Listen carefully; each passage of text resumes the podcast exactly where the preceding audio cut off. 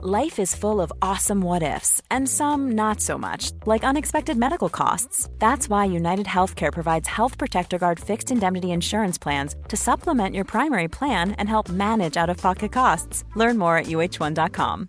Imagine the softest sheets you've ever felt. Now imagine them getting even softer over time. That's what you'll feel with Bowl and Branch's organic cotton sheets. In a recent customer survey, 96% replied that Bowl and Branch sheets get softer with every wash. Start getting your best night's sleep in these sheets that get softer and softer for years to come. Try their sheets with a 30-night guarantee. Plus, get 15% off your first order at bowlandbranch.com. Code BUTTERY. Exclusions apply. See site for details.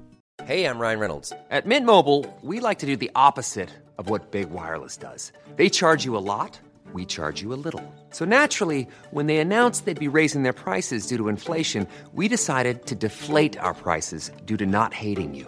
That's right. We're cutting the price of Mint Unlimited from $30 a month to just $15 a month. Give it a try at mintmobile.com slash switch. $45 upfront for three months plus taxes and fees. Promote for new customers for limited time. Unlimited more than 40 gigabytes per month. Slows. Full terms at mintmobile.com. Veckans sponsor är Telia. Hos Telia samlar man mobil, bredband, IT-support, mobilväxel, allt som gör företagande enkelt.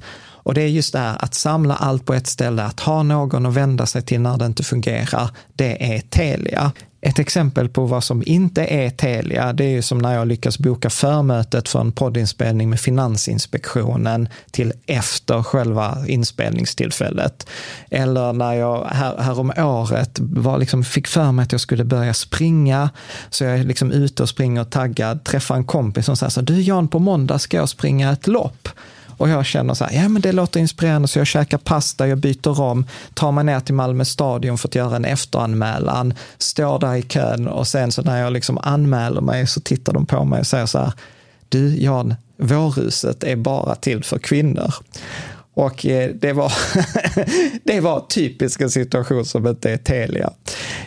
Oavsett, ett stort tack till Telia som sponsrar, gör Rika Tillsammans möjligt, men framför allt tack till dig som lyssnar, följer och eh, hänger med oss varje vecka. Kan inte du läsa vad Riksbanken skriver i sin rapport? Resultaten visar att det för i stort sett alla hushåll sannolikt är optimalt att belåna sin bostad maximalt för att sedan investera den resterande delen av förmögenheten i aktiefonder eller långa räntefonder. Du lyssnar på Rika Tillsammans-podden som handlar om allt som är roligt med privatekonomi.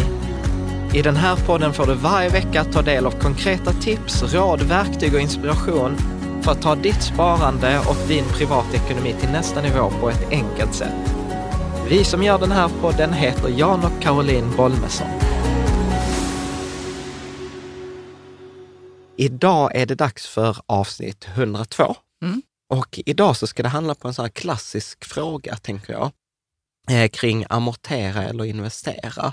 Mm. Och eh, då kommer Är det en klassisk fråga? Ja, men jag tycker det. Det är ofta den kommer upp. Så här, Ja. Hur ska jag göra med, med, hur ska jag tänka med mitt bolån? Hur ska jag göra med mitt CSN? Eh, Hur Ska jag amortera av eller ska jag strunta i det? Ja, Mm. precis. Mm.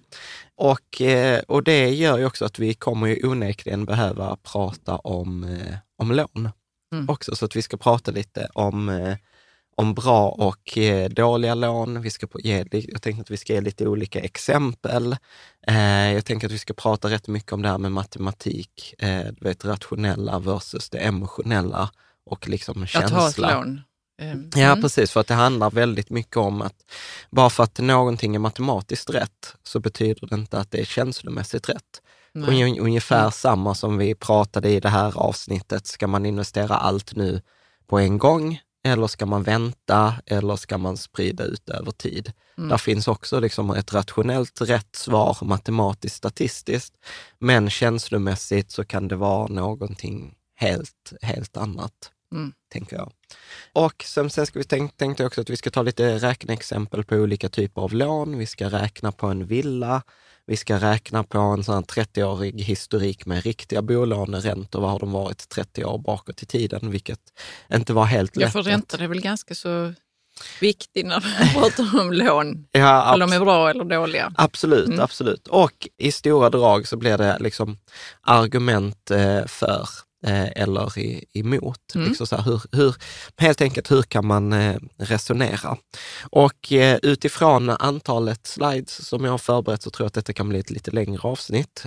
Men, och, Men man eh, kan lyssna på detta utan att se slides. Ja, det kan man göra, Mm. absolut. Eh, där får du hjälp, men det brukar du vara bra på.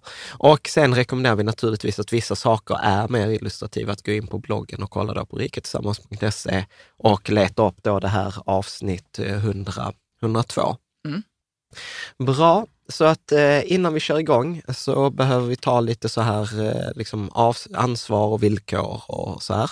Och det handlar ju helt enkelt, detta avsnittet är inte sponsrat, men det kommer innehålla sponsrade länkar då till, eh, där vi kommer illustrera vissa saker. Så här kan man tänka eller så här kan man göra. Och då har vi eh, länkar och eh, då är det, liksom, det är så vi finansierar bloggen. Mm. Sen är det också viktigt att säga att innehållet, åsikter och slutsatser i avsnittet inte är att betrakta som finansiell rådgivning eller personlig rådgivning och inte ska uppfattas som sådan heller. Utan eh, att, att se detta är liksom allmän information. Och också säga att historisk avkastning är inte garanti för framtida avkastning och allt som handlar om framtiden har ju naturligtvis en osäkerhet. Och innan man tar liksom så beslut så bör man liksom bolla med en finansiell eh, rådgivare. Och att liksom i värsta fall så kan man liksom förlora sitt, eh, hela sitt kapital när man investerar. Med det sagt så kan man eh, läsa fullständiga villkoren på riketillsammans.se snedstreck eh, villkor. Mm. Så Du det, har förkyld du låter. ja, jag är döende här. Jag har sån här man cold. Men jag tänker så här, the show must go on. Ja, det är bra. Ja, det, är, det är synd om dig, det är det. Ja, du jag- klarar detta så fint. Ja, tack. Jag, får, jag, får, jag upplever att jag får så mycket empati här hemma med tre, Nej. tre tjejer. Nej, Eh, jag brukar inte heller få det när jag är förkyld. Ja, fast du är ju inte man cold. Du har Nej, ju- det finns inget som, är, som Jo. heter så. Det finns säkert någon läsare som kan hjälpa mig med någon studie som visar att man cold är på riktigt. Men jag tänker att vi hoppar in i, I avsnittet. Mm. i avsnittet. Och det som är ganska roligt med eh, lån är ju så här att vi kan ju väldigt mycket om lån.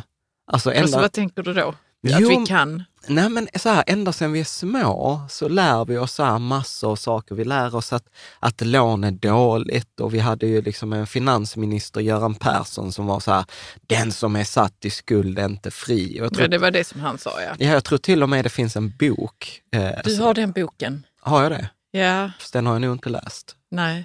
Jag gav den till dig i julklapp. Den, är, den heter någonting... Det är Göran Persson som har skrivit den och han, han, där står nog det. Ja, men det var hans biografi. Det är mycket möjligt. Men jag tror inte boken heter Mm. Nej, den, som- Den nej, som är men jag- satt i skuld är icke fri. Nej, precis, men jag tror att det finns en bok som heter så. Ja, men det kanske det gör. Det. Ja. Jag vet inte, skitsamma. Vilket bevingat ord. Ja, det trodde man precis. aldrig att Göran Persson Nej. skulle göra, Ja. säga.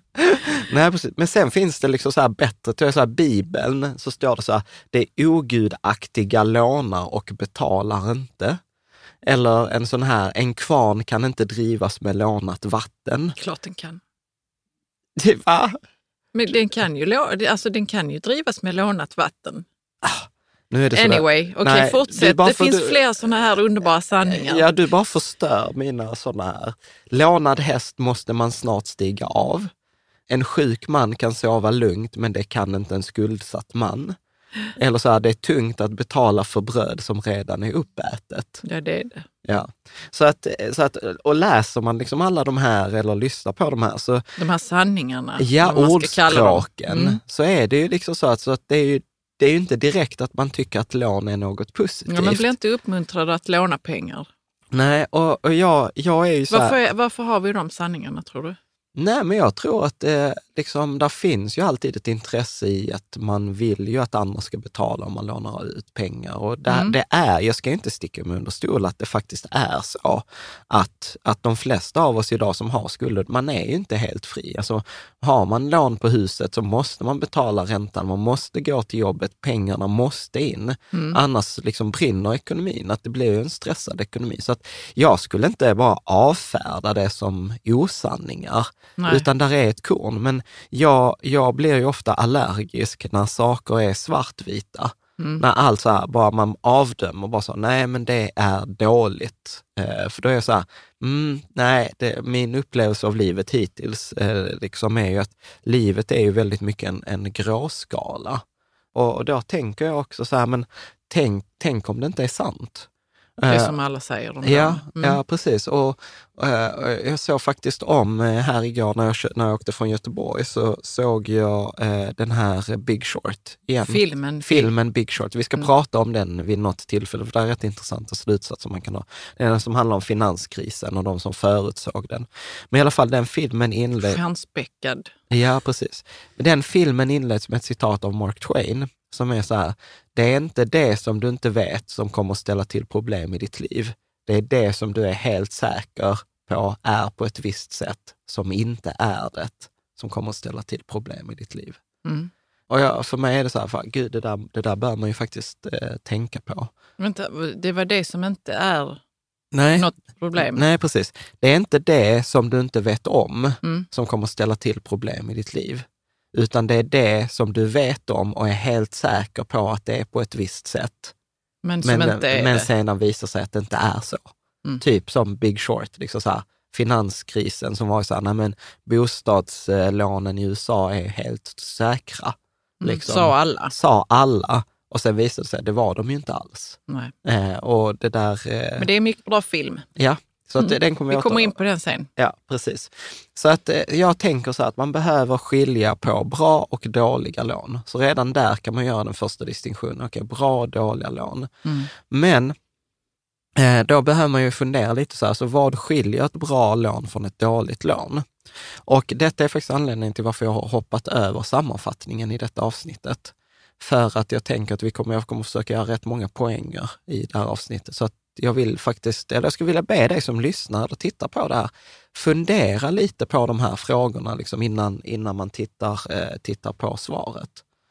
Och tittar vi då, okej, så vad är, vad är skillnaden på ett bra och ett dåligt eh, lån? Och nu kommer då svaret. Eller? Ja, eller så du kan ju spekulera. Man kan ju stänga av. Nej, ja, och pausa. Men, pausa ja, här, men om ja. du skulle spekulera lite, vad skulle du säga skillnaden på ett bra och dåligt lån? Det, hur hög räntan är, Ja, tänker jag. ja. Det kan ju vara en, det är ju den vanliga som man tänker så här, hur hög räntan är. Ja, Absolut. För det reflekterar ju på hur mycket jag kommer behöva betala Absolut. på lånet. Ja. Jag skulle Också säga, hur stort det är. det hade jag inte ens med som exempel. här. Nej, men jag, Eh, det vanliga är så här, vilken typ av, alltså så här, sms-lån, bra eller dåligt? Det är ju dåligt för det är ofta hög ränta på det. Ja, okej. Och tänk om det inte är så? Alltså är det med? Det är ju här man behöver, behöver börja fundera, att vi är så snabba att avfärda. Ja, jag har typ- avfärdat sms-lån, absolut. Och nu så tänker du så att ja, om jag, om jag kan... Om jag behöver... Nej, okej, Nej. vi skits, skitsamma. Jag tror jag vet vart du är på väg, men jag tänker att jag ska inte säga någonting. Ja, låt okej. låt Ja, eh, vilken showen fortsätta. Ja, vil- vilken snygg save. Nej, men jag tänker så här, man kan fundera på typ av lån, räntan, beloppet, villkoren etc. Men det blir ett ganska knökigt sätt. Att, eh, ett ganska knökigt sätt, för då ska man komma ihåg hur var det konsumtionslån dåligt, eh, bolån bra. Alltså det behövs liksom något enklare. Och jag tänker om man tar det där med beloppet faktiskt, det är rätt intressant. Eh, om man tittar på Lyxfällan så kommer jag ihåg att jag för typ tio år sedan läste Torsten Janssons bok, han som ägde så här Kosterboda, New Wave och, och så här.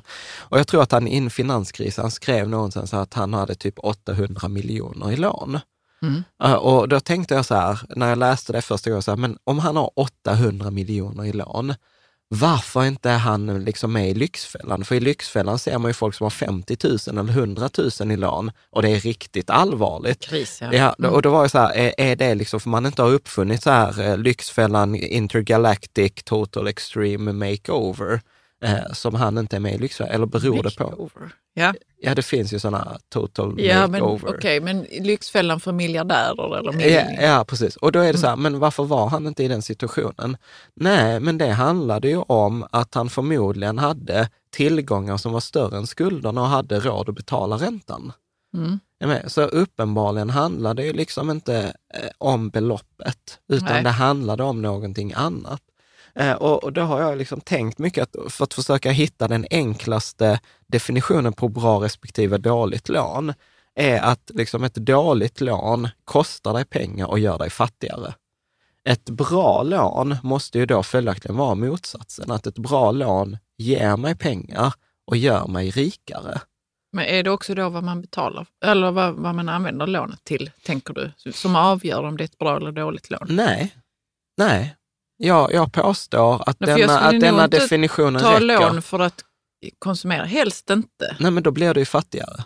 Ja, men jag blir ju det. Ja, men det är ju för att jag konsumerar för lånet. Ju. Ja, och då, blir, då är det ett dåligt lån. Så alla var lån som jag gör dig tänkte så. fattiga, så, bil, Mm. eh, exempel vi tar exemplet bil. Så när vi köpte bil för tio år sedan, då hade vi inte så mycket kontanter, så då lånade vi, jag tror det var 200 000. Och så köpte vi bilen. Så, så, här, så att låna 200 000 för att köpa bil, bra eller dåligt lån? Dåligt. Dåligt lån, eller hur? Det, det kostar oss pengar. Men då kan man ju resonera så här att jag reser, till exempel just nu är jag inne i en period där jag reser rätt mycket. Och då känns det ganska tryggt för mig att veta att när du och Elsa och Freja är, är på väg till capoeiran eller ni ska iväg någonstans, att då sitter ni ändå i en av de säkrare bilarna man kan ha. Mm. Gör inte det det till ett bra lån?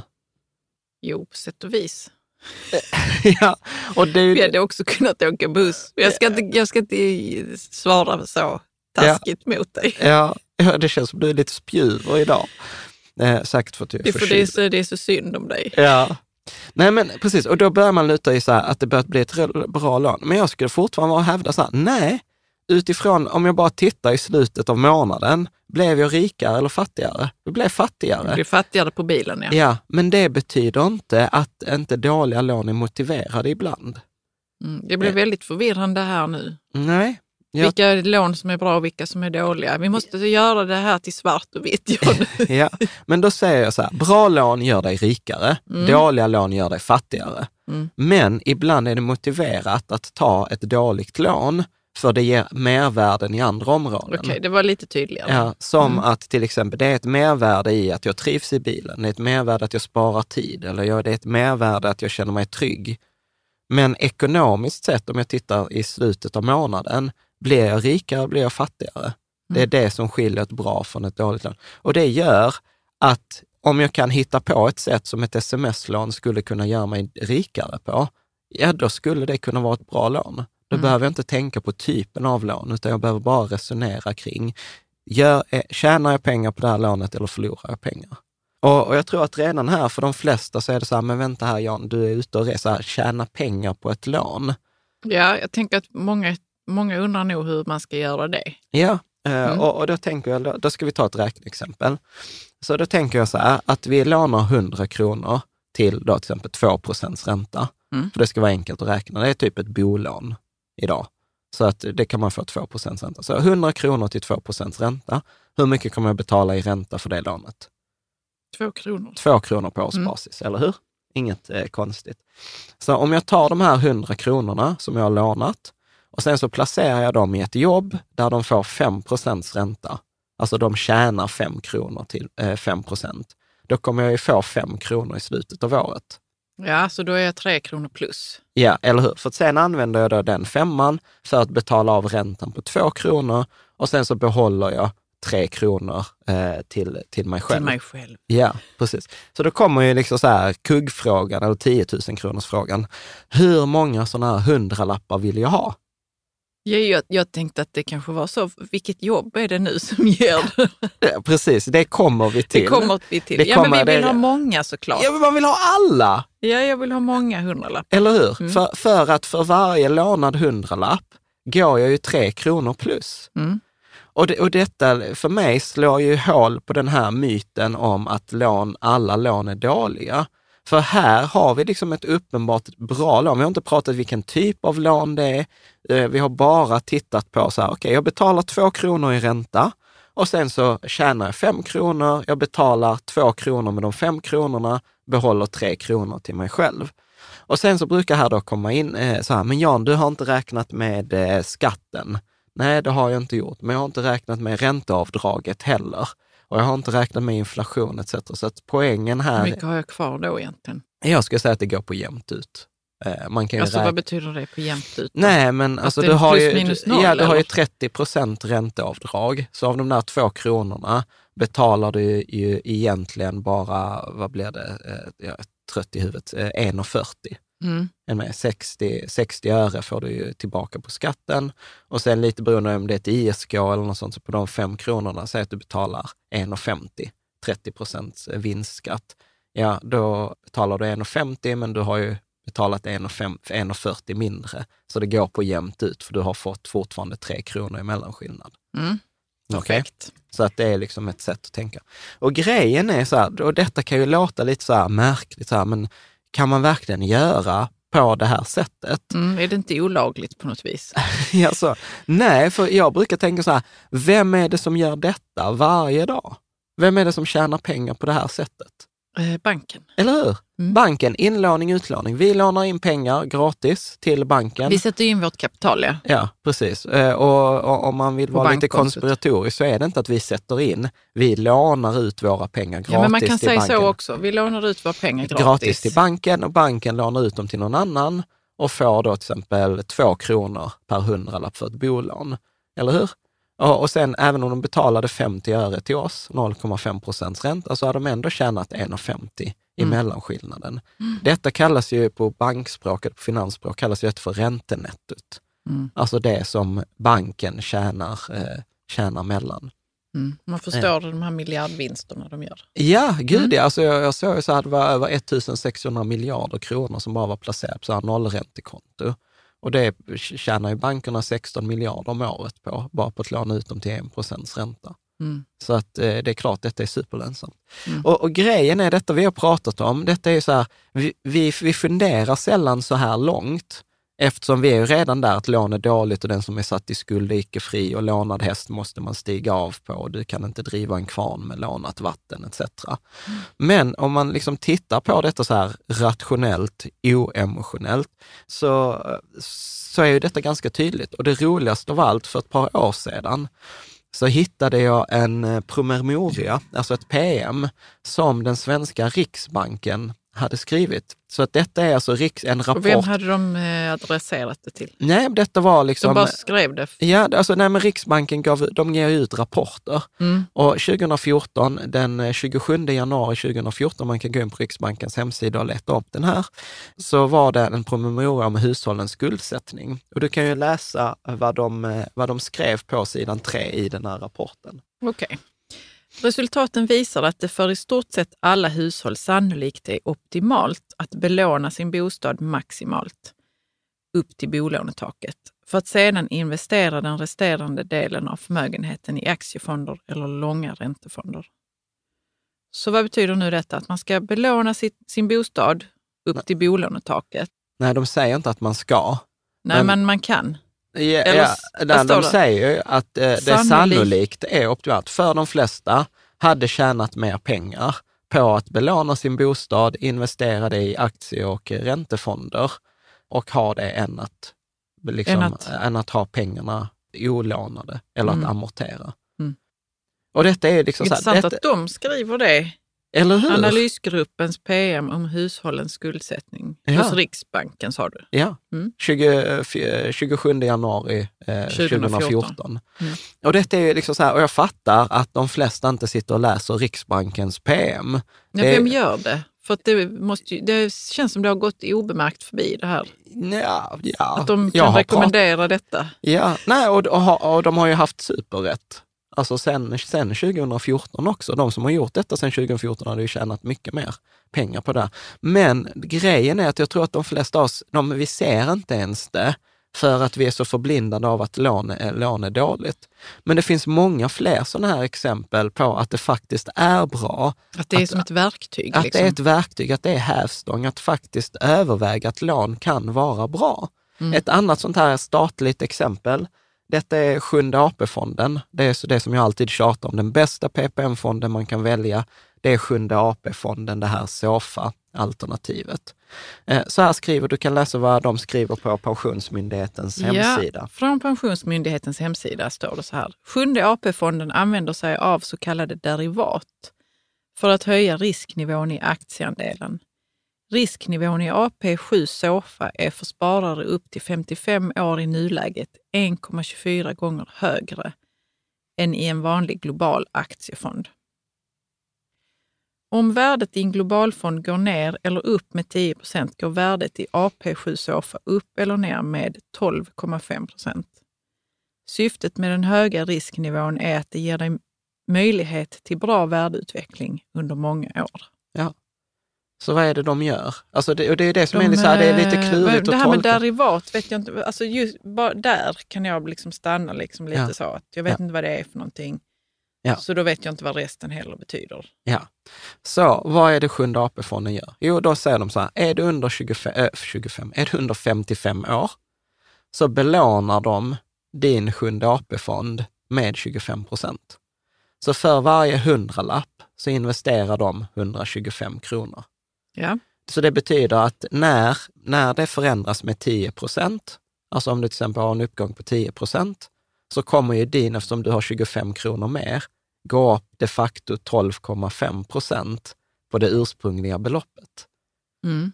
Är du med? Mm. Och på samma sätt funkar ju detta om det går ner.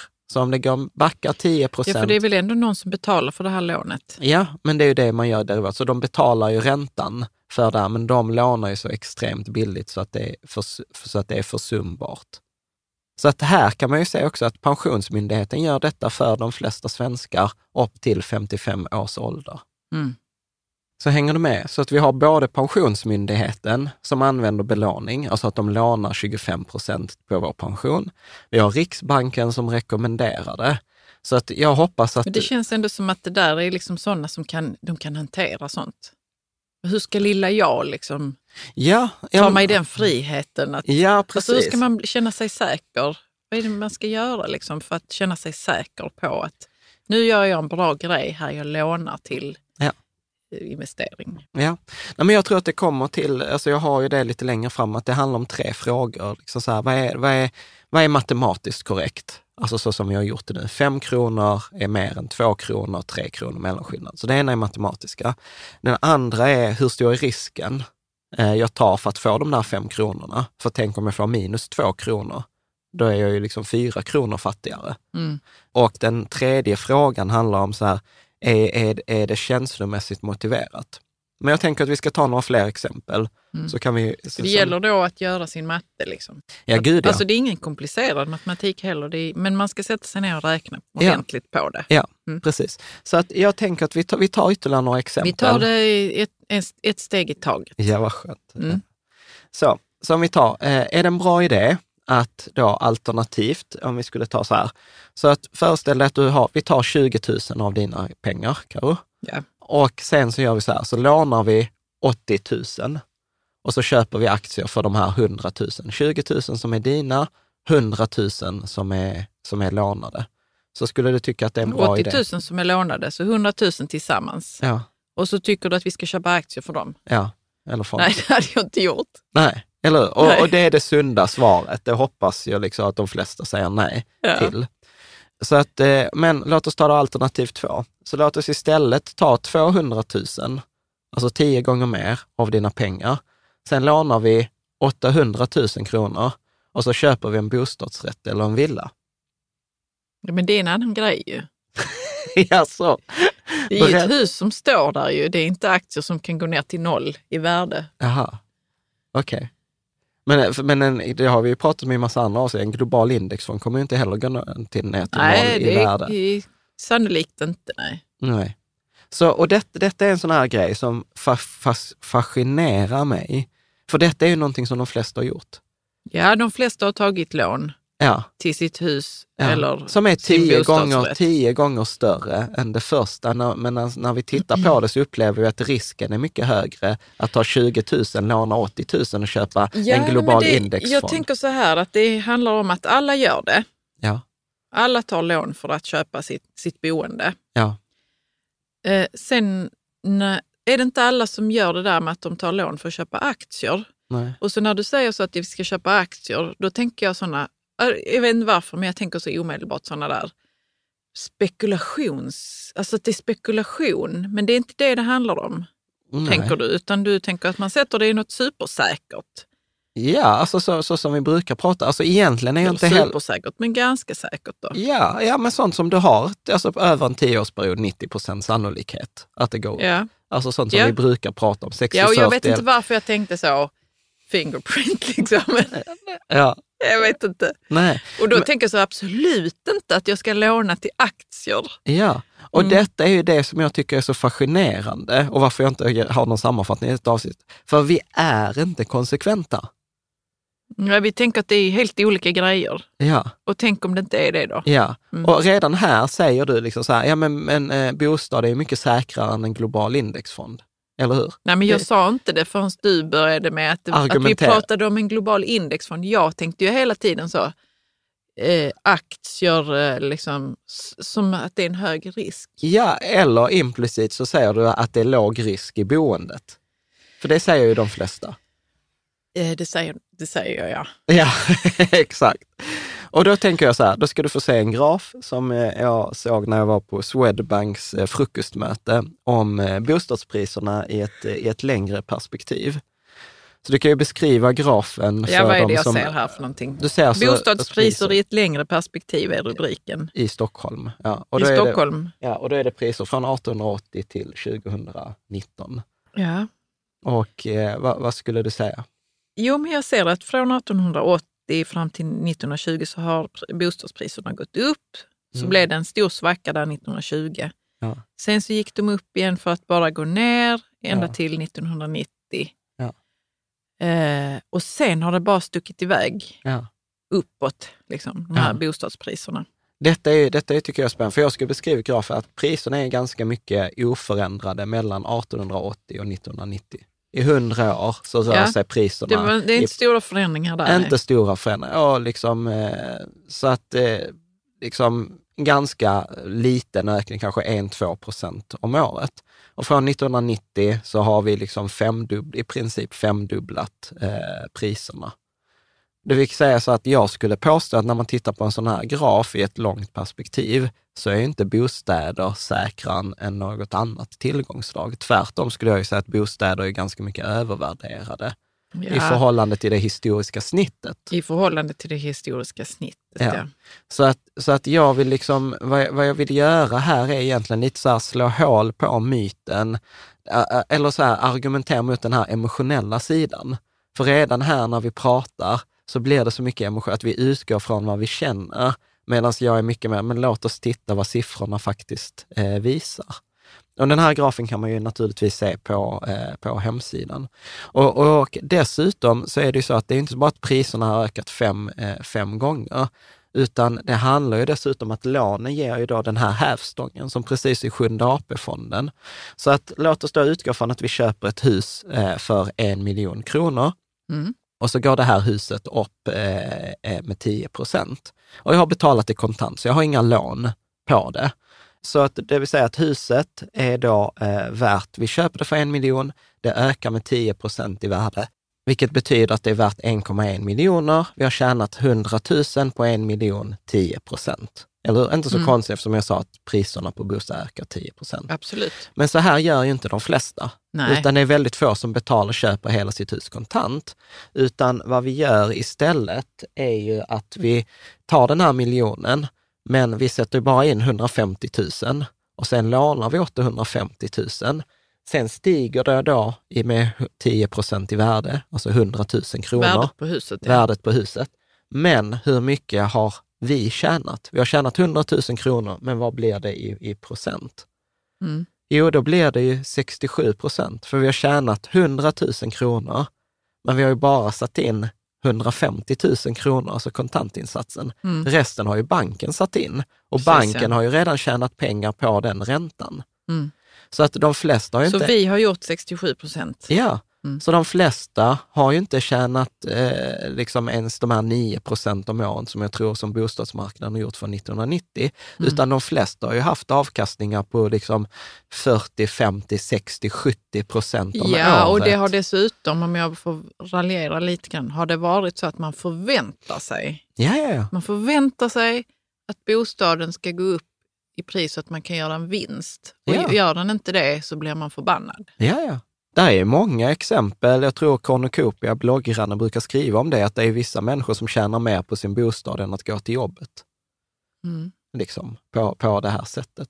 Och, och då bör man ju också säga att okay, eh, detta är ju liksom det som har gjort de flesta svenskar som är lite äldre till miljonärer. Mm. Ibland så, och, detta är, nu kommer min lilla rant här eh, mot eh, lite äldre, oftast herrar som ska då berätta hur, hur duktiga de är på att Har investera. de mansplainat dig? Ja, gud ja, jag har blivit Du är mansplainad. så ung så Ja. du kan bli mansplainad. Ja, precis. Nej, men så, så vad man har gjort, det är vad de flesta har gjort. Man har köpt en bostad, Mm. man har belånat den högt, priserna har gått upp och sen har hävstången på det egna, eller hävstången på avkastningen gjort att avkastningen på det egna kapitalet har varit enormt. Mm. Det är så svenskarna har blivit miljonärer. Att de har Är haft... det detta de har berättat för dig att man ska göra? Nej, men de har sagt så här, alltså, vi var så kloka, vi var så smarta, titta så duktiga vi har varit. Och, Och du, egentligen har det varit eh, flax liksom i, Ja, att vi har, ska man säga, att, att, att timing. Ja, timing. Alltså så här, köpte du hus 1990 och ägt det i 30 år, du har haft 9 procent om året med eh, 50-60 procents belåning. Tror, tror Sören att du tjänar pengar när du har en avkastning på eget kapital på 60 procent om året? Mm. Alltså det betyder att dina pengar dubblas ju varannat, vart tredje år. Mm. Och, och än värre så var det ju dessutom inte bara att de har haft tur med eh, att, eh, att det har gått upp med liksom 500 procent de här 30 åren. Men på 70, 80 och 90-talet, då hade man ju dessutom en hög inflation. Eh, och då säger folk så här, ja men du vet räntan var ju 15 procent. Ja, men inflationen var ju typ 13 procent. Okej, Och- så det åt ändå upp lånet man ja, hade. och, du hade, och framförallt de höga real, alltså du hade höga löneökningar. Jag tror att det var så 78, då var liksom genomsnittliga löneökning i Sverige var typ 20 procent. Alltså du, du fick 20... Mot vad man har idag, 2 Ja, procent per 2%. år. Ja, Mm. precis. Men idag så är löneökningar 2 procent, inflationen är 2 procent, räntan är 2 procent. Mm. Så det är liksom same, same. Men när allt är 15 procent, det käkar ju lån. För lånen inflationsjusteras ju inte. Så att, så att detta är ju liksom viktigt att veta att det är ju lån, även de som säger så här, jag hade aldrig lånat pengar för att eh, eh, tjäna pengar eller för att Mm. investera. Men jag har varit så himla klok som jag har köpt en bostad. Och då blir det så, ja men det är ju detta För- du har gjort. Och så klok, alltså förlåt, men så klok, hur klok är man? Ja. För att alla andra också gör det. Ja. Då har man, man har ju inte tänkt ut det själv. Nej, Så. nej och nu, nu går du igång. Ja. Precis, och då, då jag tänk, vet, ja. Så egentligen när vi pratar i detta avsnittet så pratar vi inte om något annat än det som de flesta gör omedvetet Mm. till att börja ah, göra det medvetet. Mm. Och kan jag göra det medvetet, då kan jag också ta en betydligt bättre ställning till riskerna, till möjligheterna, till matten och allt annat. Mm. Men vi måste liksom bli av med det här att oh, det är dåligt och sen ändå göra det men omedvetet. Mm. Så att det är väl lite eh, mi, mina tankar kring det här. Och för att fortsätta här då, för att slå hål på lite, eh, lite liksom tankar. Så, så om jag då ställer frågor till dig som lyssnar eller tittar så här, eh, vad, eller du kan läsa frågan. Mm. Vad får den lägst ränta? Eh, vad bedömer banken som lägst risk, det vill säga ger dig lägst ränta på? Är det A, bostaden eller B, fond?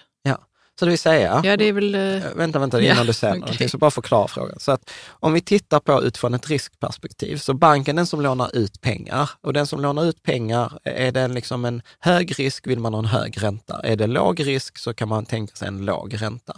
Mm. Och då är frågan så här, så vad bedömer banken som tryggast säkerhet? Är det en bostad eller är det en fond eller då en aktie? Vad skulle du spe- spekulera i? bostaden. Bostaden, ja. Mm. Och, det, och det är det vanliga, så här, nio av tio svarar eh, bostaden. Och så jag tänker så här, eh, låt, oss, låt oss titta. Mm.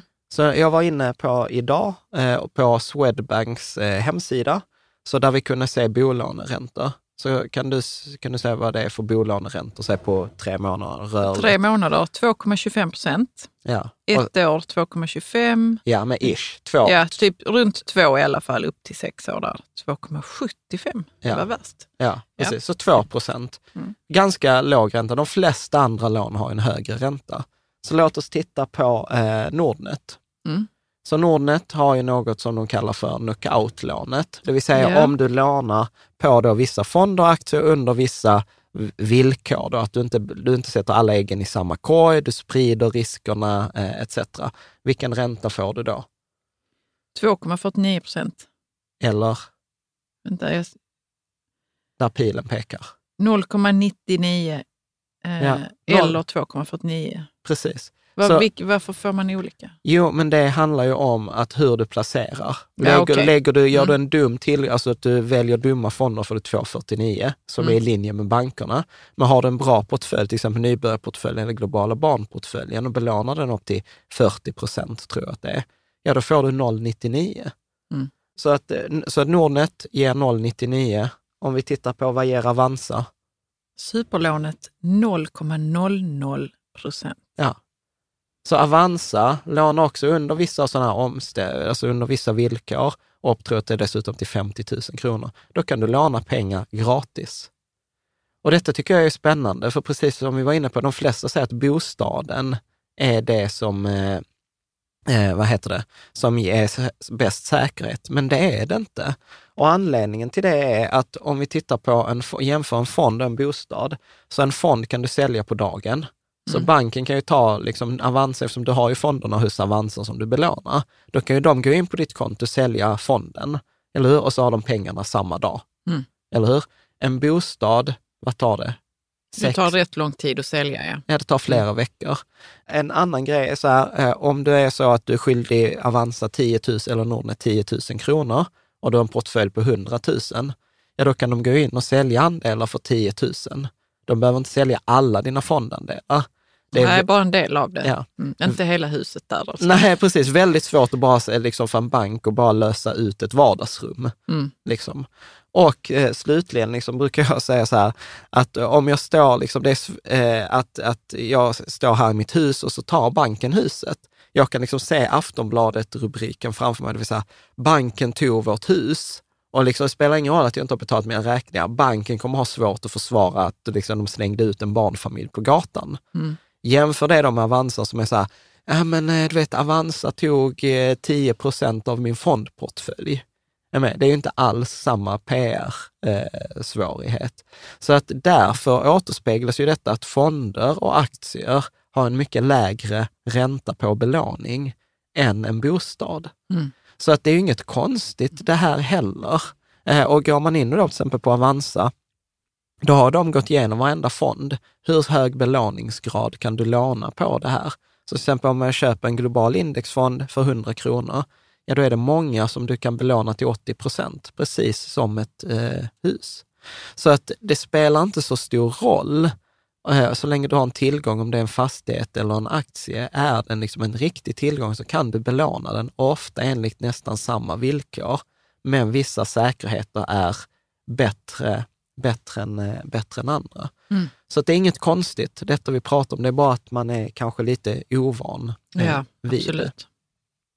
Så att om vi fortsätter då att titta så dåliga lån, lån som gör mig fattigare varje månad. Mm. Oftast, om vi då ska ändå kategorisera det, konsumtionslån, fordonslån, samlingslån, sms-lån Mm. etc. Det är den typen.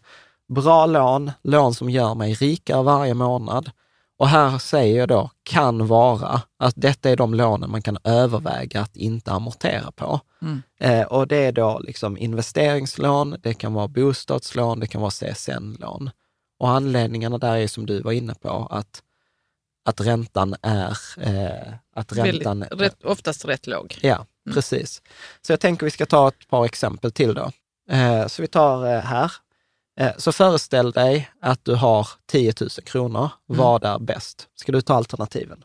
A. Amortera på ett kreditkort med 15 procent och 10 000 kronor i skuld. Eller B. Investera 10 000 kronor i aktier till 8 procent och behålla skulden på kreditkortet som är 10 000 kronor till 15 procents ränta. Så vad skulle, vad skulle du säga? Hur skulle du resonera? Så vi har ett kreditkort Eh. med 15 procents ränta och 10 000, eller ska jag då, och jag har 10 000 kronor. Ska jag amortera på skulden på kreditkortet eller ska jag investera det? Till 8 procent. Nej, men jag hade nog eh, betalat av skulden, för den är 15 procent den räntan. Ja. Ju. Eller hur? Så precis. Så det är mycket bättre att här i detta äh, alternativet amortera på skulden på kreditkortet, för det motsvarar ju liksom som att få 15 procents avkastning. Eller hur? För jag slipper ju betala räntan nästa år om jag amorterar. Mm. Eller hur? Mm. Och i det andra fallet hade jag bara fått 8 procent. Så jag hade ju ändå gått liksom back. Och det är till och med så att även om jag kunde säga så här, om vi skulle gjort om exemplet och säga så här, vad är bäst? Eh, du har 10 000 kronor, amortera på en kreditkortsskuld på 10 000 kronor, 15 procent ränta, eller investerat i aktier i en förväntad avkastning på 15 procent. Så hade det ändå varit bättre att amortera, för att med aktierna har du ju en risk. Ja, jag kan inte förvänta mig att det ska komma 15 procent. Nej, för de kan ju gå upp eller ner. Mm. Men sätter, betalar du av, amorterar du på kreditkortet, då vet du de facto att, du kom, att det är 15 procent. Mm. Hänger du med? Ja, det är det här som jag aldrig riktigt känner att jag hänger med på. Att jag liksom kan räkna hem 15 procent på något sätt. Ja, jag, jag vet inte. Jo, men- jo men jag tror att du är, alltså så här, 10 000 kronor. Ja, Om vi inte skulle göra någonting så kommer jag nästa år då få betala, eller i december betala 1500 kronor i ränta på kreditkortet. ja. det Eller hur? kostar mig ju att Det ha den kostar här dig- skulden. Ju. Ja, exakt. 15 procent, 1500 kronor.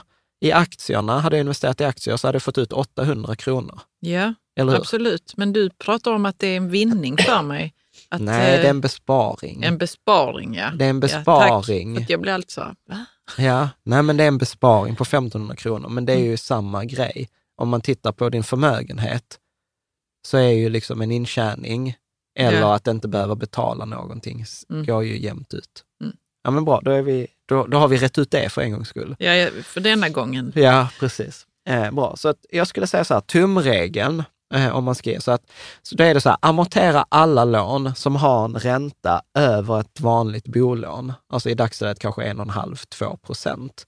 Och om vi tittar, om vi drar gränsen där 1,5-2 procent, ja då blir det ju alla kreditkortsskulder, alla konsumtionslån, alla billån, båtlån, liknande fritidshuslån, alla sådana här samlingslån. Vad är samlingslån? Nej, men du vet, det är det som alla sådana här länder och sådana, samla dina lån hos oss och få en eh, Bättre ränta. bättre ränta. Men De det är det bättre ränta eller inte? Nej. Ja, ofta är det så här, kan du få 5% ränta istället för 15 procent på Ja, ja. kreditkortet så är det Mm. bättre. Absolut. Men det är fortfarande en högre ränta än ett, eh, än ett bolån. Mm.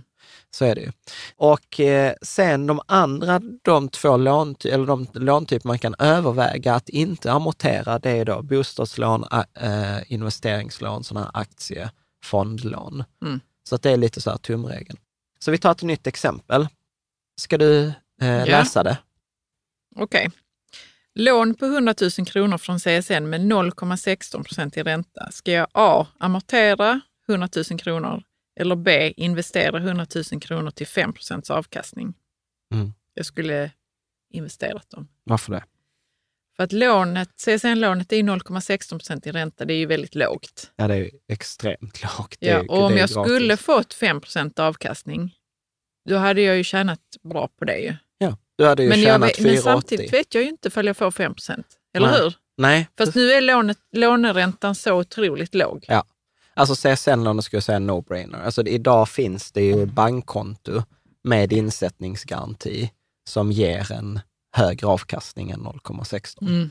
Så där Mm. kan man göra det riskfritt. Sen Mm. kanske det bara är 1,5 procent, men det är ändå 1,2 procent per Som år. skillnad. Ja. Ja, så på CSN i, idag skulle jag säga att det är en no-brainer. Varför är det så himla låg ränta på det? För är det för att, att alla ska kunna ta eh, Ja, för att staten är garant på det lånet. Stat, det är ju ett statligt lån. Jo, ja precis ja. Men Och jag tänkte också så att det ska kunna vara, alltså att utbildning skulle kunna vara tillgängligt för alla. För det är ju till utbildningssyfte egentligen, att man ska kunna försörja sig på det medan man pluggar. Absolut, men å andra sidan när vi pluggade för 20 år sedan så var ju det samma grej. Men vi betalar ju mycket högre ränta. Så att det är ju för att räntan är låg Mm. och för att det är liksom ett säkert lån. Mm. Du betalar ju det resten, resten av livet. Jag tänker att vi ska ta nästa, som Mm. är då bostadslån. Så står det lite klurigare här på din slide. Ja, eh, för att bostadslån är mycket klurigare. Så CSN, CSN 1, CSN är en no-brainer. Men här, om vi gör antagande, så en genomsnittsvilla i Sverige kostar 3,2 miljoner idag, om jag kollade, hittade rätt siffror. Om vi säger en belåningsgrad på... Men vänta lite, jag måste bara säga en sak om CSN-lånet. Ja, Man tar ju det när man ska plugga. ja, Oftast inte för att investera pengarna, eller hur? nej.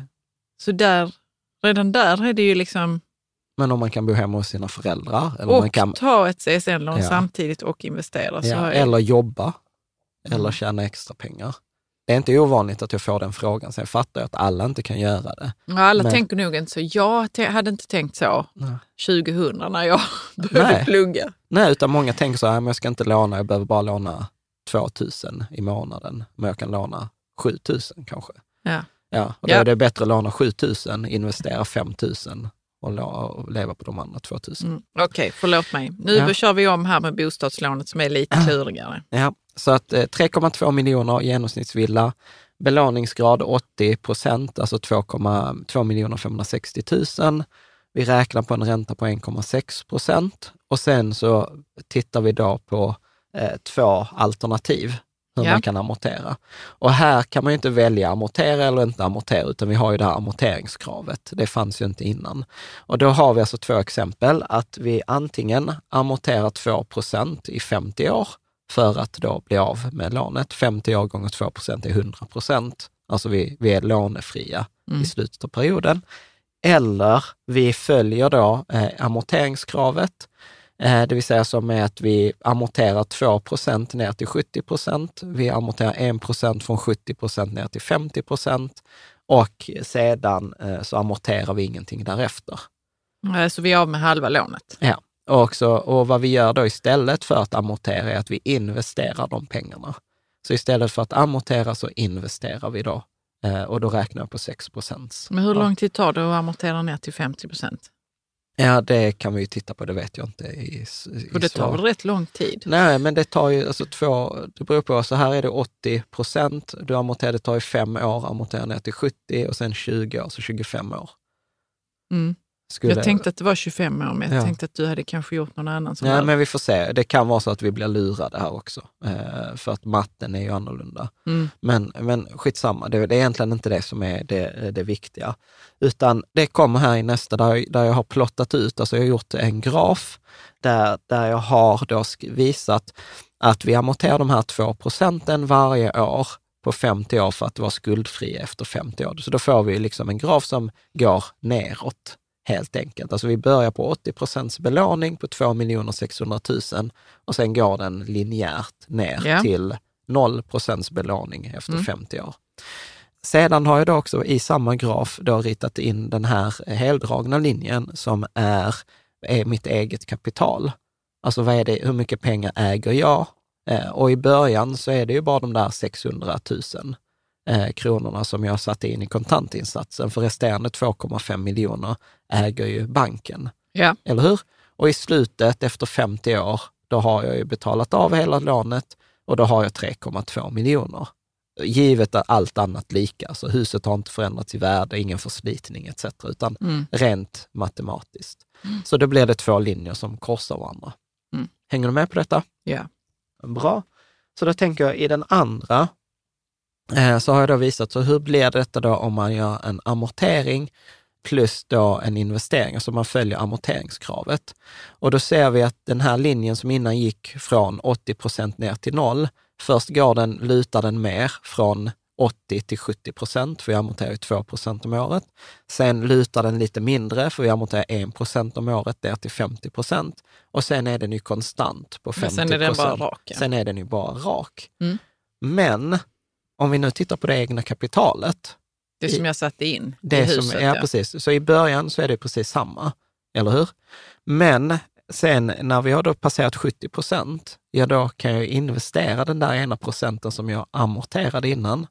Och sen efter 50 procent så kan jag investera 2 procent. Ja, för jag jag, amorterar inte på huset längre. Nej, Så Nej. att jag har 2 procent Som jag egentligen till i min ekonomi som... jag skulle, liksom, som jag nu kan investera till Mm. 6 procent. Och det som händer är ju att först det som innan var raka linjer, denna får ju den här kurvsvängen på ränta på ränta, att den böjer sig liksom uppåt. Och om vi i det förra exemplet slutade på 3,2 miljoner, alltså att huset är obelånat, så kan du ju se vad slutar vi på i denna rundan. Vi slutar på ungefär Fem miljoner eller? 5 miljoner. Mm. Så i detta exemplet är jag, så efter de här 50 åren, är jag 1,8 miljoner rikare. Tack vare att jag har investerat. Så istället för att vara en sån god medborgare och amorterar ner huset till noll. Skulle jag bara amortera ner det till 50 procent och sen investera mitt kapital, för då hade jag vunnit mer på det. Ja, för då har vi precis allt det vi har pratat om innan. Du har 6 procents avkastning, men du betalar ju ränta på 1,6 procent. Så du tjänar ju mellanskillnaden. Och inte Mm. bara att du tjänar mellanskillnaden, du får ju ränta på ränta på mellanskillnaden också. Ja, det tänker man inte på Nej. förrän Och, man gör denna matten. ja, och då har jag i detta, jag har inte tagit hänsyn till ränteavdraget, jag har inte tagit hänsyn till liksom andra skatter, men däremot har jag tagit hänsyn till att du måste betala räntan. Så att detta är ju med räntan för de där 50 procenten betalt. Ja, ja. Så att det är inte som att vi, amorter, vi, vi investerar 2 procent, men sen har vi någon extra inkomst för att betala den räntan, utan det är inräknat. ja. Man kan ju kolla på de här graferna om man vill. De ligger Ja. på bloggen sen. Precis. Mm. Så här i, denna, i, den, i detta diagrammet har jag helt enkelt bara tagit in alla de här fyra av i samma. Och där ser man ju liksom hur de här amortering, de streckade amorteringsgraferna liksom går ner till noll eller stannar på 50. Och vi ser där att när vi kan börja investera istället för amortera, så ser vi hur de här två eget kapitalkurvorna drar ifrån. Att den som investerar börjar ju öka och öka mer från den här konstanta eh, linjen. Mm. Är, är det så här intuitivt eller vad? Ja, det är inte intuitivt överhuvudtaget. Jag måste fortfarande tänka så. Vad är det som gör att man kan liksom det egna kapitalet kan dra ifrån det? Men är det för att man sitter på lånet då alltså? Eller? Ja.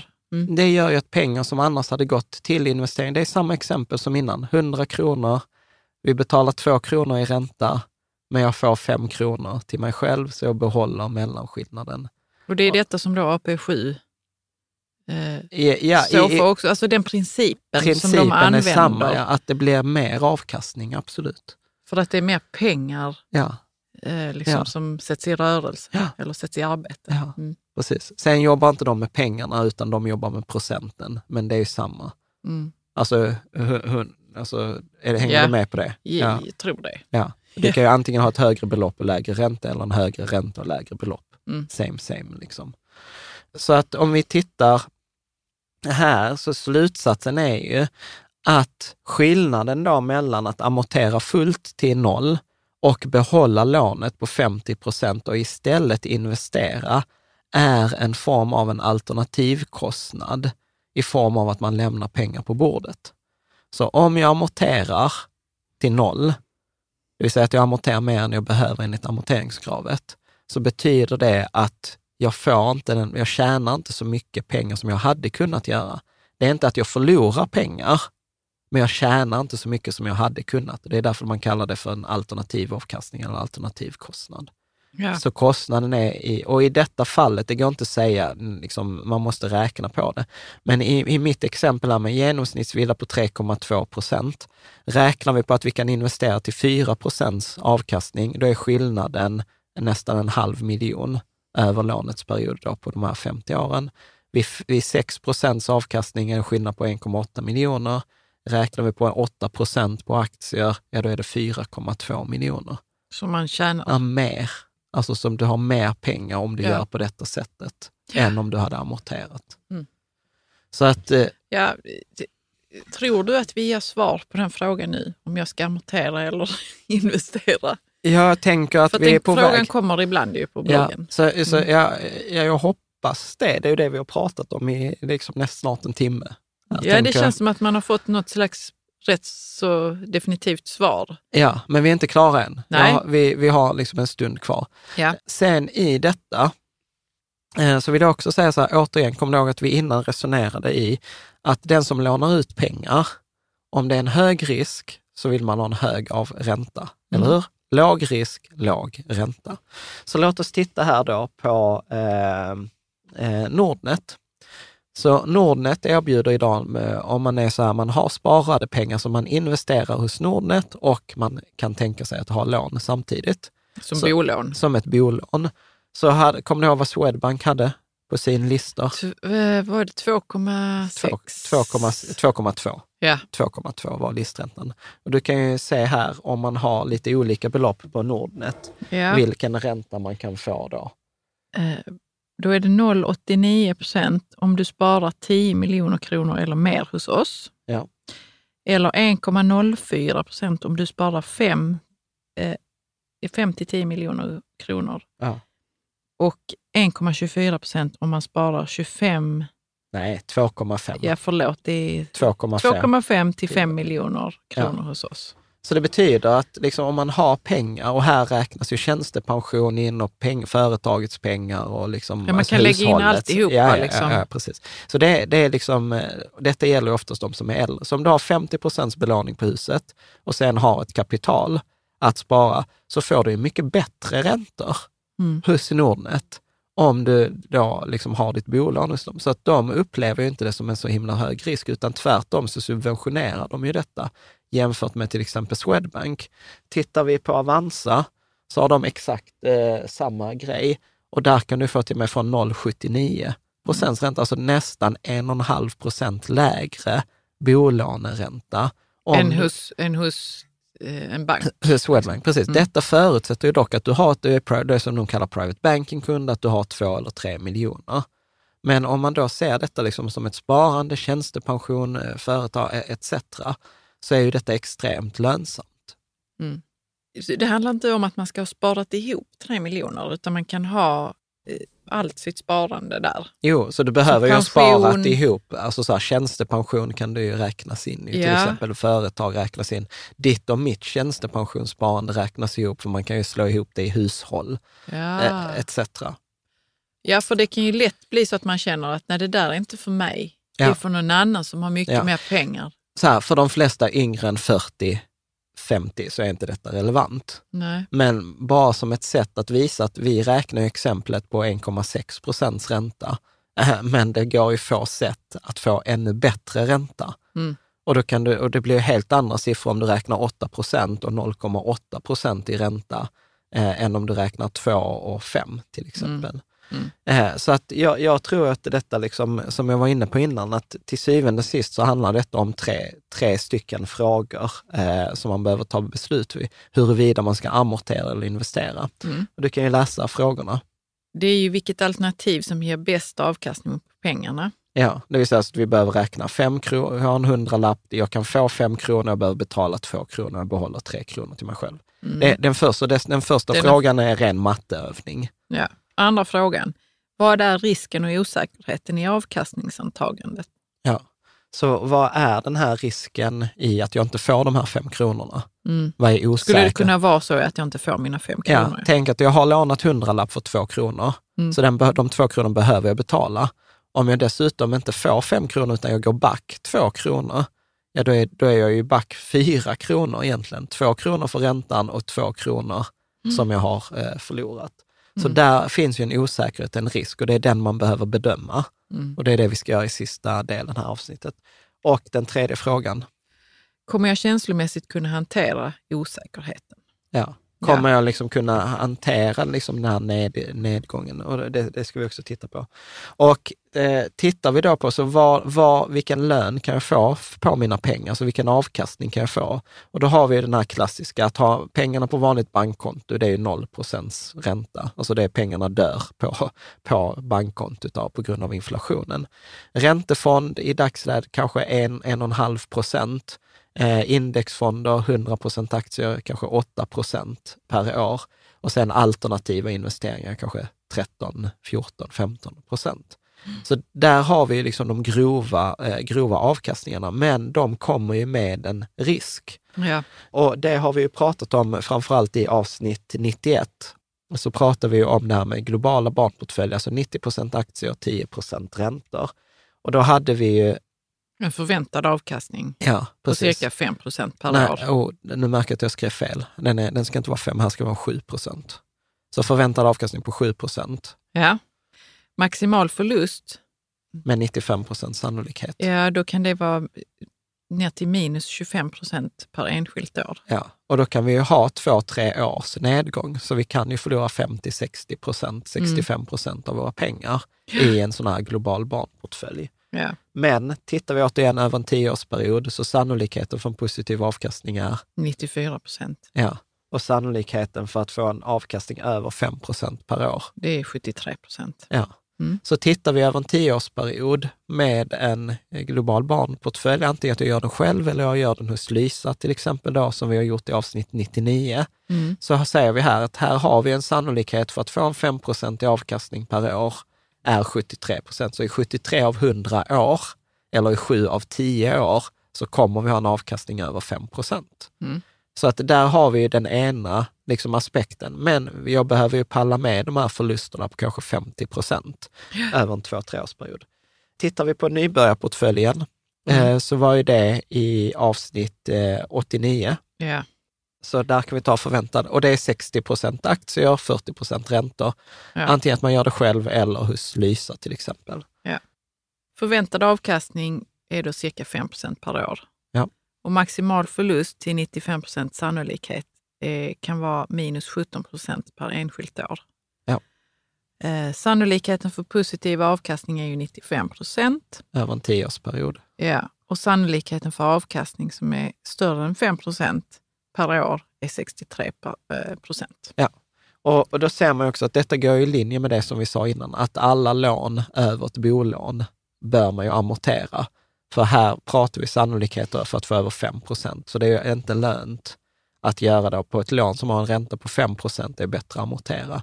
Men har vi de här 0,8 procents räntorna, 1,5 procents räntorna, ja då kan det vara värt att få ett positivt av, utfall i 7 av 10, 7 av 10 år.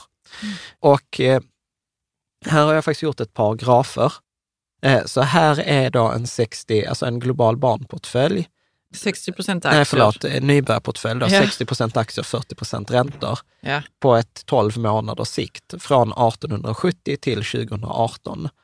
Så då tittar vi, så om vi placerade då 100 kronor i, en globa, äh, i, i nybörjarportföljen, då till exempel om vi tar 2008, då hade jag haft 100 kronor i januari, men i slutet av året hade jag haft eh, kanske 78 kronor, för vi hade en nedgång på 22-23 procent. Mm. Medan om vi tittar på 1999, en hundralapp i januari hade varit värt 145 kronor i december. Så att det är så man tolkar den och då, då kan man ju säga att den är ganska slagig, eh, den här grafen. Precis Ja, att det går upp och ner lite Ja. hur som. Precis. Men, de, eh, men det går ganska mycket i linje med det som vi sa, maximala förlusten är ju typ minus eh, 20 procent. Och då tänker jag så här, för, för resonemanget här är, så vad händer om jag istället för att e- amortera investerar i en sån här nybörjarportfölj, alltså en 60-40 hos en fondrobot, eller jag gör det själv. Då har jag i nästa graf tagit den här eh, nybörjarportföljen, eh, dock från 1985 fram till 2018. Och så har jag faktiskt också ritat in vad en eh, rörlig bolåneränta var de olika åren i genomsnitt. Okej. För vi kan inte bara titta på de här 30 åren och säga så här, bolåneräntan är 1,5% Nej, procent. den är ju inte det under 30 år. Nej, utan den har ju varierat. Den har ju varit över 10 procent i vissa tillfällen. Så att man, då behöver man ju jämföra, vad hade nybörjarportföljen gett och vad hade jag betalat i ränta? För att se, och där vill vi naturligtvis att nybörjarportföljen då ska ge en högre avkastning än vad räntan ger. Mm. Och återigen, nu är vi inne på det här, historisk avkastning inte en garanti för framtida avkastning. Men eh, om du skulle säga någonting här om den. Jag skulle säga så att de flesta år är det ju över. Ja, jag var tvungen att kolla lite på vad grafen visar. Ja. Den röda linjen är räntan, staplarna är nybörjarportföljen. Ja, Ja. precis. Ja. Och då, då är det ganska tydligt Ja, att eh, portföljen är högre, Ja. ger bättre avkastning än vad Ja. räntan är. Liksom. Mm. Precis, och då har jag i nästa slide här, har jag helt enkelt eh, bara tagit eh, nettot, alltså skillnaden. Skillnaden mellan vad man har betalat i ränta och nybörjarportföljen. Så istället för att ha två linjer så har vi bara en som visar det ena minus det andra. Så när stapeln är negativ, då har vi alltså förlorat pengar det året på Ja. att eh, investera. Mm. Är den positiv så har vi tjänat pengar det året på att investera i förhållande till varandra. Mm. Eh, Och då har jag tagit fram lite siffror. Så att om vi tar då på 12 månaders sikt och har en nybörjarportfölj på 60-40 och tre månaders bolån, Mm. så kan ju du bara ta några siffrorna där kort, vad det har gett. Vilket år menar? Sa du? Där, medianavkastningen. Ja, medianavkastningen är 6 procent. Ja. Genomsnittsavkastningen är 4,8 procent. Ja.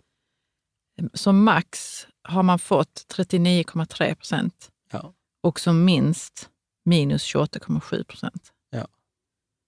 Ja. Eh, positivt utfall i 22 av 34 År. år. Ja. Ja. Så, och då säger man att det är 65 procent.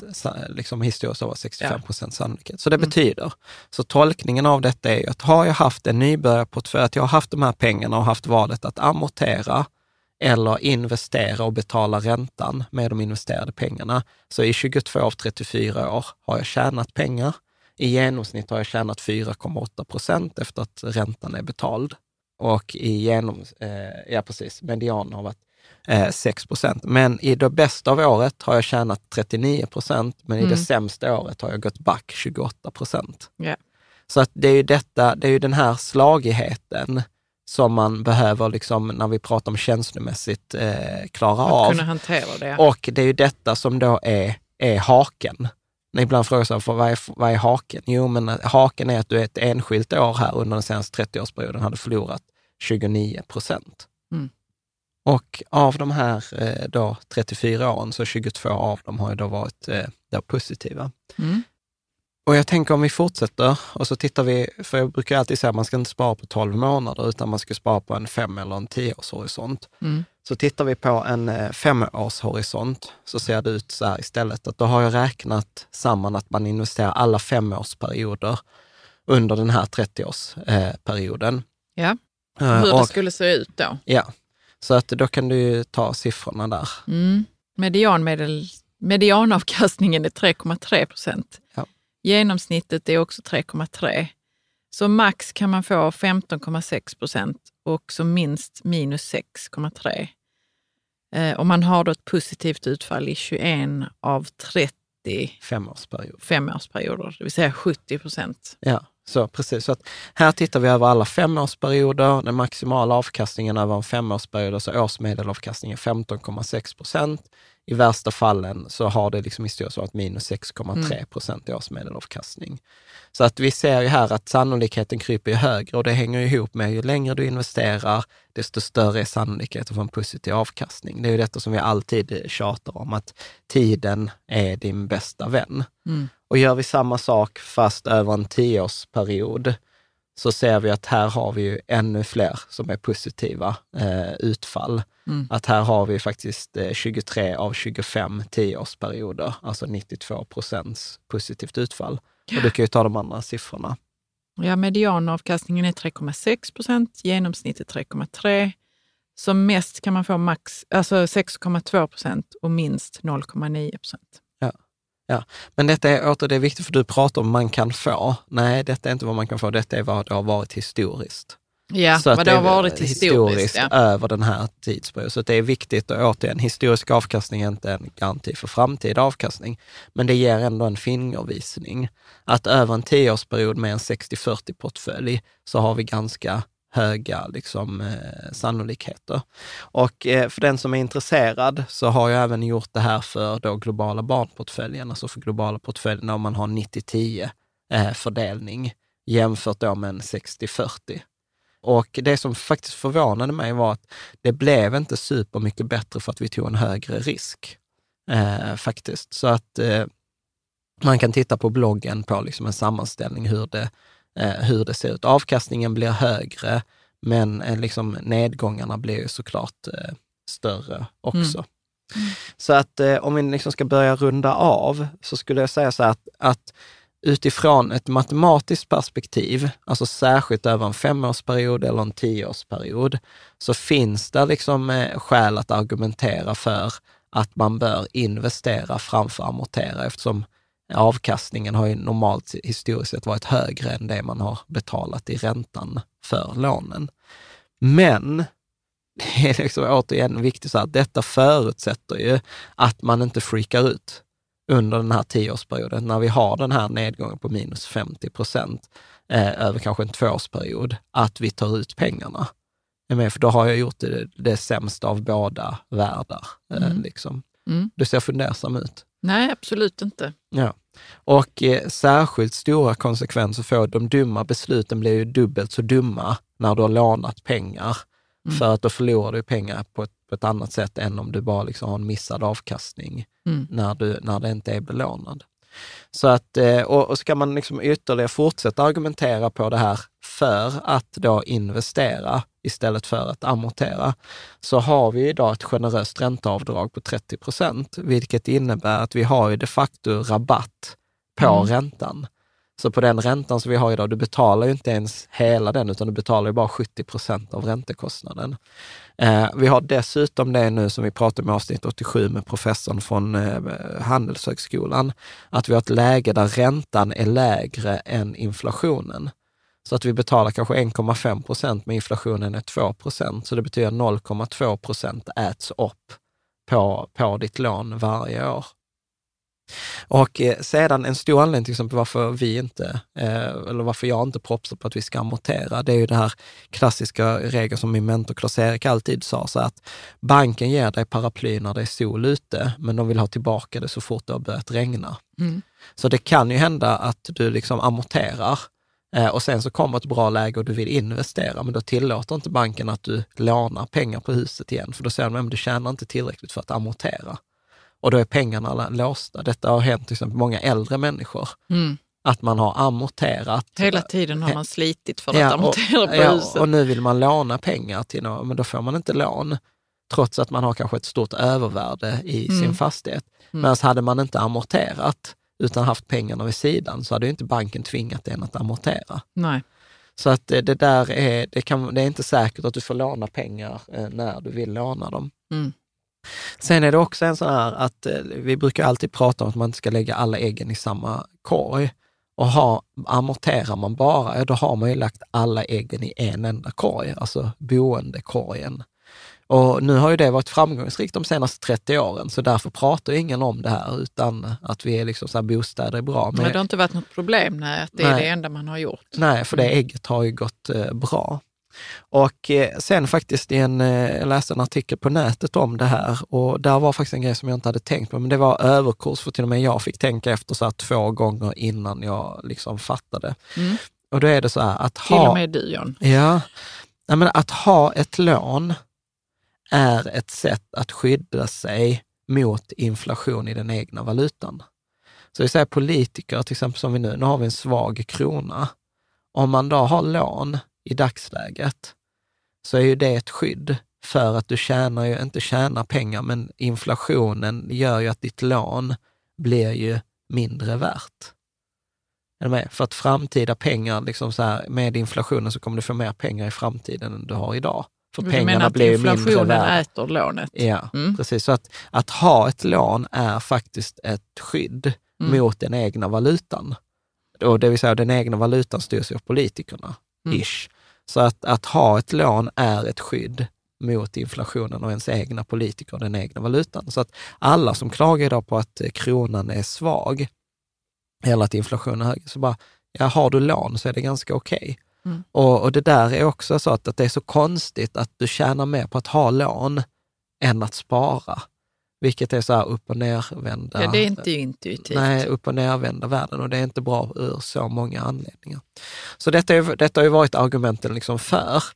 Tittar vi på argumenten mot eh, så är det ju så att bara för att något är då matematiskt eller statistiskt fördelaktigt så betyder det inte att man ska göra det. Precis som bara för att ett lån är dåligt, att jag förlorar pengar, så kan det vara motiverat att ta det i alla fall. Och, och där tänker jag så här, en av de här viktigaste frågorna att ställa sig så här, behöver jag verkligen maximera den här avkastningen? Mm. Behöver jag de här pengarna? Eh, och, och där var det Erik Strand, som för övrigt kommer tillbaka om några avsnitt. Ja, det vet jag. Ja, ja precis. Men läsarna kanske inte vet. Nej. Eh, så han sa ju så här att eh, om, man lämn, om man dör och lämnar många miljoner efter sig, då kan man ju faktiskt fundera vad man gjorde i livet. Om det verkligen var värt all den tiden och ansträngningen och uppskjutna belöningen och oförbrukade konsumtionen. Mm. Eller kunde man använt de Det är pengarna? så jag alltid ti- tänker Ja, vad bra. Skönt att när jag, jag är, konsumerar. ja, skönt att jag är motsatsen där. Eh, sådär. Sen är den andra frågan, så här, är du riktigt säker? Är du riktigt, riktigt säker på att du inte kommer att freaka ut? För freakar du ut, så, alltså så här, då är det som att kasta allt genom fönstret. Eh, Ja, nej, men man får ju ha sin strategi ju. ja. Men eh, det Ja. viktigaste är så här, klarar du att hålla dig till din strategi? Ja, men vad gör du John?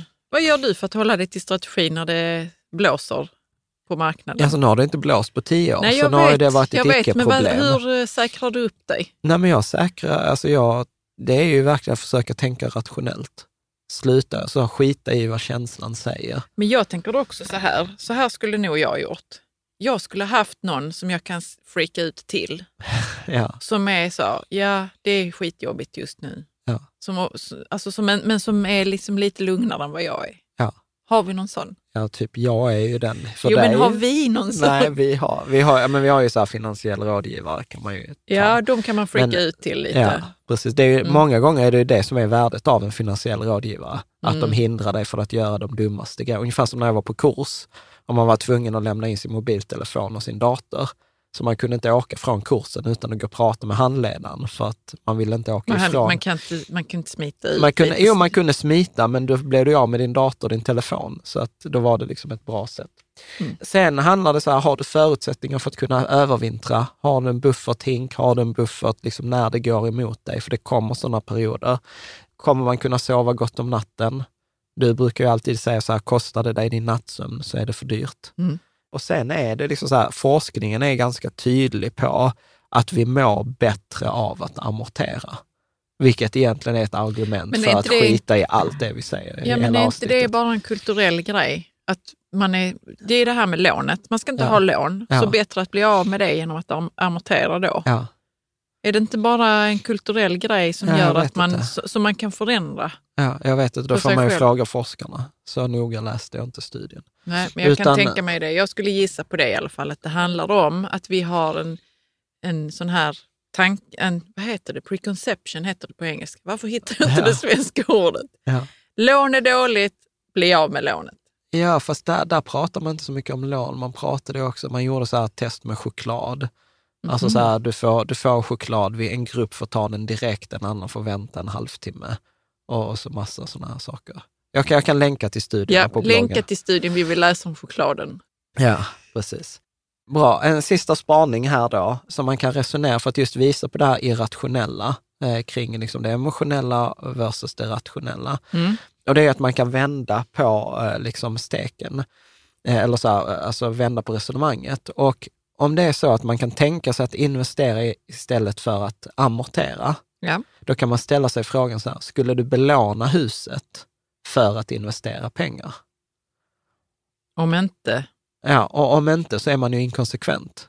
För att investera istället för att amortera, det är ju att du behåller lånet. Men då vänder man på, och det är ju egentligen samma sak som om du hade haft pengarna redan amorterade, hade du tagit ut dem för att investera. Mm. Effekten är samma, men för oss är det ofta ganska stor skillnad. Vissa säger så här, nej men jag kan gärna investera istället för att amortera. Men jag hade aldrig lånat på huset för att investera. nej, det, det hör man ja. Ja, Mm. eh, så att där är liksom, se, se den här inkonse, inkonsekvensen. Mm. Eh, och sen det andra handlar ju om att har man verkligen den här disciplinen eh, för att investera istället för att amortera? Många säger ju att de har det. Liksom så här att nej men nu investeras det för att amortera och sen ser man så här, nej men pengarna gick till en resa istället. Eller de konsumerades. Det vill säga att man har inte den här disciplinen, att banken tvingar en betala 2% Men när man inte blir tvingad betala 2% avsätter jag de två till investeringarna. Nej, det gör man med? inte då. Ja, så att det, det är en disciplinfråga också. Mm. Och, och jag tror att tricket är att hitta den här rätta balansen mellan det, det intellektuella, det rationella, det matematiska och det känslomässigt och, och det känslomässiga och intuitiva. Och, och där behöver man ju liksom göra det för, för sig själv. Mm. Men jag tror att liksom vi har gått igenom alla de olika faktorerna som man behöver ta hänsyn till. Ja, men du pratade om att vi skulle beröra em, filmen The Big Short. Inte i detta avsnittet, i ett annat Nej, avsnitt. okej, ja. förlåt mig. Ja, Då, då får det bli en sån cliffhanger. en cliffhanger Jag till ett tyckte, annat vi, avsnitt. jag tyckte vi gjorde det innan idag. Ja. Ska vi runda av?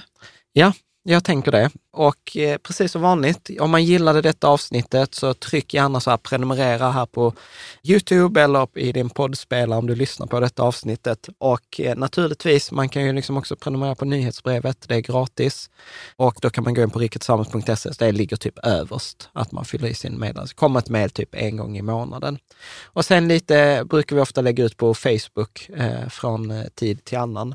Och sen så vill jag också tacka som vanligt att tacka de eh, våra läsare och följare på Patreon som gör de här. Detta är ett osponsrat inlägg. Mm. Utan, och det är liksom, vi lägger tid på att göra research och Ja, precis. Och mycket, det har varit mycket Excel-filer, mycket mm. räknande inför detta avsnittet, eh, som gör detta liksom möjligt till en viss eh, del.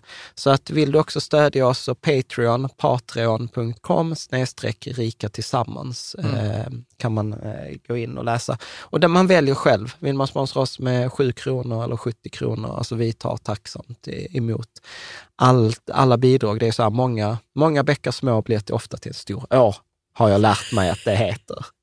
Om vi tittar på kommande avsnitt eh, så har vi intervju med Erik Strand, planerad mm. från Pacific Fonder. Mm. Pratar om pengar och guld. Jag brukar alltid skoja så här, man mår alltid lite dåligt när man träffat honom. Eh, Fast men, på ett bra sätt. Ja, man är ju klokare. Man är klokare, men Erik Strand är väldigt intressant ju för att han är ju lite så filosofisk. Ja han i finansbranschen. Ja, han, han, tänker mycket och liksom tänker väldigt långt. Liksom. Han tar tankarna till slut. Liksom. Ja. Sen har vi den kommande intervjun med Astillion som ska ja. prata om FIRE, som ja. lever enligt det där. Och sen, Åh, det ska bli så spännande. Eller hur? Sen kommer Andreas Brock och Henrik Milton från Coeli, mm. eh, som, är, som är våra nemesis Nej, så ska man inte säga, men eh, alltså de pratar om aktiv förvaltning. De är trevliga. De är supertrevliga. De pratar mycket om aktiv förvaltning medan vi pratar alltid om passiv eh, förvaltning. Och eh, naturligtvis, har du tips och sånt på andra så hojta gärna till. Och detta är ju sånt superavsnitt där jag gärna vill höra vad ni tänker, eh, ni som tittar och lyssnar och följer liksom så här, hur tänker du och hur har du gjort kring det här med att amortera och investera? Så kommentera gärna, kommentera gärna på Youtube eller på bloggen. Helst på bloggen, för där kommer det eh, flest, eh, eh flest läsare till gagn. Så med det så var, var vi klara med avsnitt 102. Så ja, tack, tack för denna gången. Tack så mycket.